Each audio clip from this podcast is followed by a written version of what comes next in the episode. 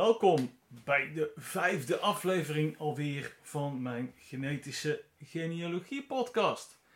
En eh, vandaag wil ik met jullie gaan praten over ethiek.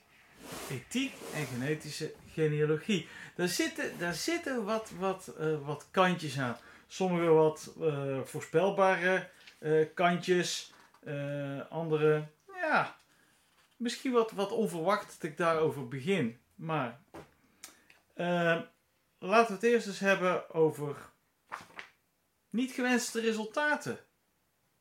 Hè? Uh, je kan bijvoorbeeld natuurlijk erachter komen, uh, wanneer je met, met meerdere mensen test, dat een relatie eh, die je verwachtte bijvoorbeeld met je broer te hebben en eens, of met je zus, anders blijkt te zijn.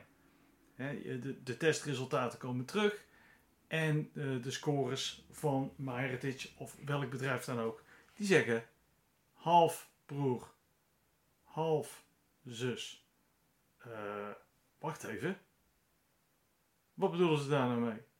Dat kan toch helemaal niet? Ja, nou, wij, wij, hanteren dan altijd de term, uh, en, en men zegt dan in het Engels: DNA does not lie, but people do. Ja, dat hoeft natuurlijk niet altijd zo te zijn dat er ook le leugens aan te pas zijn gekomen. Hè? Uh, het, we, we, noemen dit dan ook in het Engels een, een NPE. Het staat voor een non-parental event. Met andere woorden, dat een van je ouders een andere ouder blijkt te zijn dan verwacht. En dat hoeft niet te betekenen dat een van je ouders is vreemd gegaan. Verre van.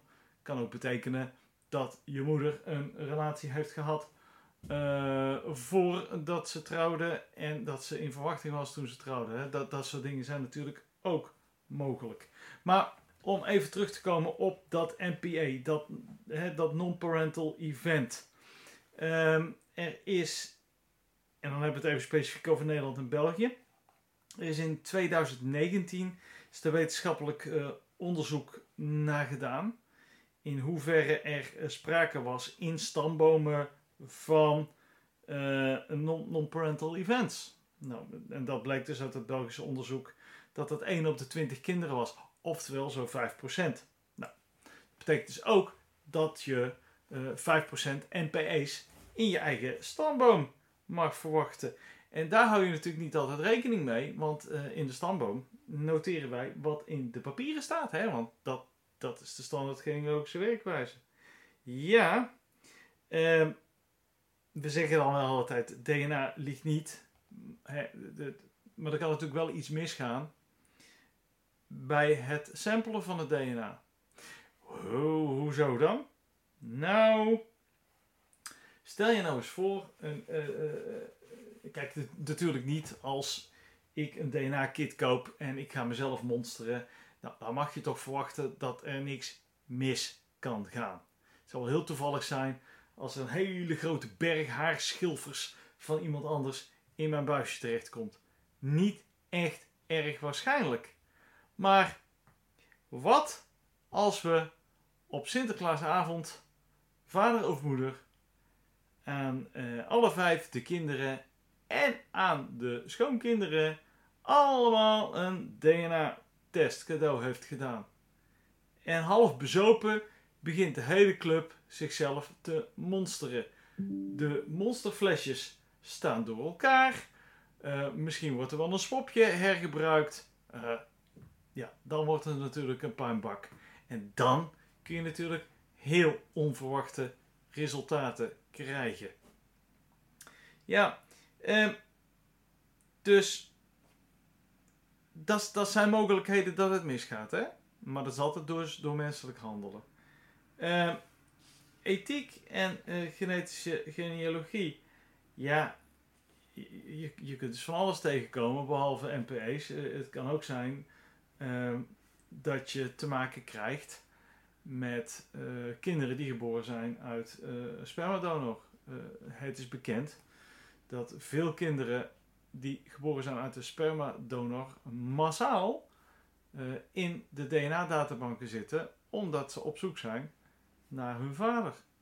Nou, daar kun je dus mee te maken krijgen. Niet dat ik zeg van, wellicht ben je zelf onbewust spermadonor geweest. Nee, dat, dat zou je wel weten.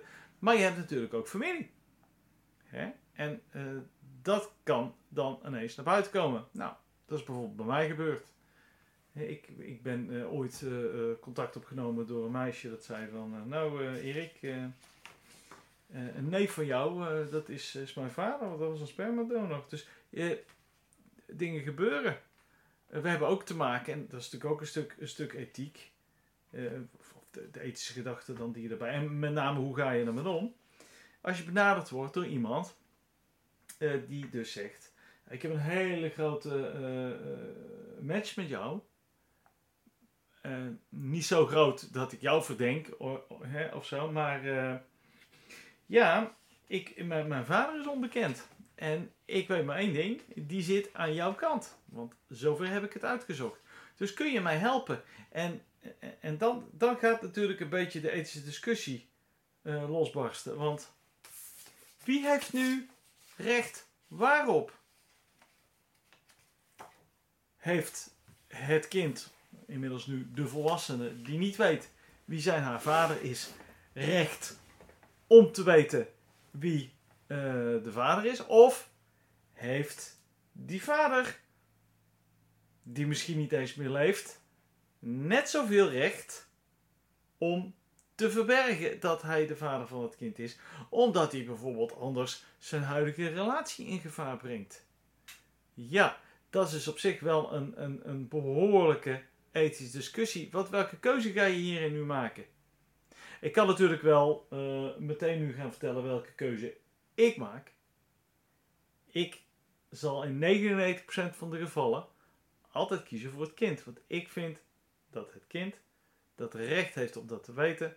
En ja, die vader, die heeft gewoon een fout gemaakt. Klaar, kind heeft recht erop. Dat kunnen natuurlijk verzachtende omstandigheden zijn. Als je bijvoorbeeld weet dat iemand heel ernstig ziek is. Of uh, dat het, het, gezin heel gevoelig in elkaar zit met, met bijvoorbeeld een vrouw met psychische problemen.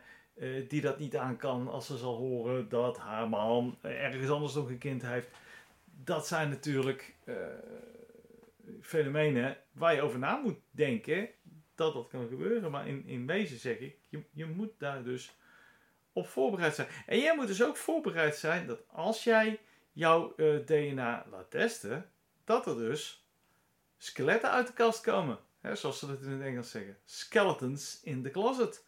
Dus dat je te maken krijgt met uh, wellicht situaties die onverwacht zijn en uh, waar je even goed over na moet denken hoe je daarmee om moet gaan. Is er nog meer te vertellen over ethiek? Hmm, jawel. Want hoe zit dat nu met uh, bijvoorbeeld misdaden waar je zoveel over hoort? Hè? Met name in de Verenigde Staten. Dat er aan de lopende band cold cases worden opgelost met behulp van openbare DNA-databanken. Uh, als jij uh, jouw DNA hebt uh, gegeven aan, aan MyHeritage bijvoorbeeld, of aan Ancestry of 23andMe, Living DNA, Family Tree DNA, in hoeverre is het dan mogelijk dat jouw DNA gebruikt gaat worden voor het, voor het opsporen van criminelen? En hoezo opsporen van criminelen? Je bent zelf toch geen crimineel? Hoe zou dat dan kunnen helpen bij het opsporen van criminelen. Wel, misschien ben je zelf geen crimineel, misschien heb je zelf niks fouts gedaan, maar misschien heb je wel een broer, een zus, een oom, een tante of een andere aanverwant die wel in de fout is gegaan. En op het moment dat politie en justitie de DNA-gegevens van een dergelijk misdrijf zouden uploaden in openbare databanken, dan zou zomaar jouw profiel ineens naar boven kunnen komen. En vervolgens wordt er aan je deur gebeld. En staat de politie aan je deur. Ze zijn niet op zoek naar jou, maar ze zijn op zoek naar je broer. Dat was even onverwacht. Nou, in Nederland kan dit in principe niet gebeuren, want in Nederland eh, en in België ook trouwens is dat dus gewoon hartstikke verboden. Dan, eh, mag de politie dat ook niet doen. Maar het uh, is veelal bekend dat de politie in de Verenigde Staten dit wel doet. En dat de politie dus ook, zeker bij Ancestry, Family DNA, 23andMe, met trucjes het DNA, want die bedrijven willen er niet aan meewerken, het DNA uploadt en zo op matches terechtkomt. een partij die er wel aan, aan meewerkt en waar jij ook kan aangeven als je je DNA daar uploadt dat je wil meewerken aan politieonderzoeken, is GetMatch. Dus weet dat dan. Dat is ook overigens een reden dat heel veel mensen zijn weggegaan bij, uh, bij GetMatch. Dit is dus zeker, ook een, een ethisch aspect. Is er nog, zijn er nog andere ethische aspecten? Ja, die zijn er denk ik wel.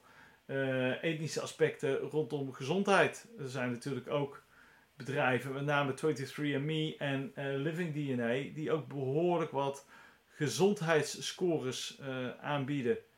Daar kun je natuurlijk van afvragen, wil je dat weten? Zeker als ik je nu ga vertellen dat uh, die gezondheidstests die door dit soort bedrijven worden afgenomen zeer dubieus zijn.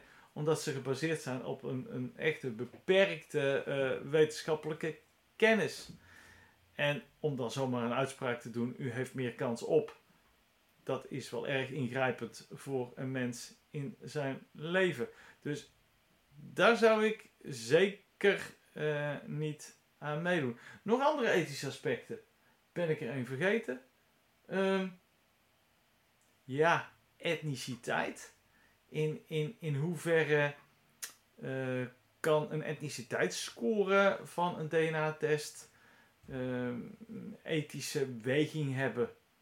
Ja, alleen als je de conclusies er gaat verbinden. Wat je zeker niet moet doen.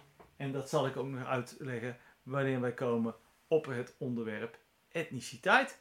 Uh, voor nu, ik denk dat we voldoende besproken hebben over ethiek en uh, genetische genealogie. Dit was weer een aflevering van de Genetische Genealogie podcast. Ik dank jullie wel dat jullie luisterden naar mijn podcast. En ik hoop dan ook dat je eventjes een uh, mooie review achterlaat. Hop ook even over naar mijn website www.filin.nl. Dat is F-I-L-I-N.nl. En uh, kijk eens wat voor moois ik daarop heb staan. Uh, dankjewel voor jullie aandacht en tot de volgende keer. De muziek is gemaakt door Airtone en is vrijgegeven via een Creative Commons licentie.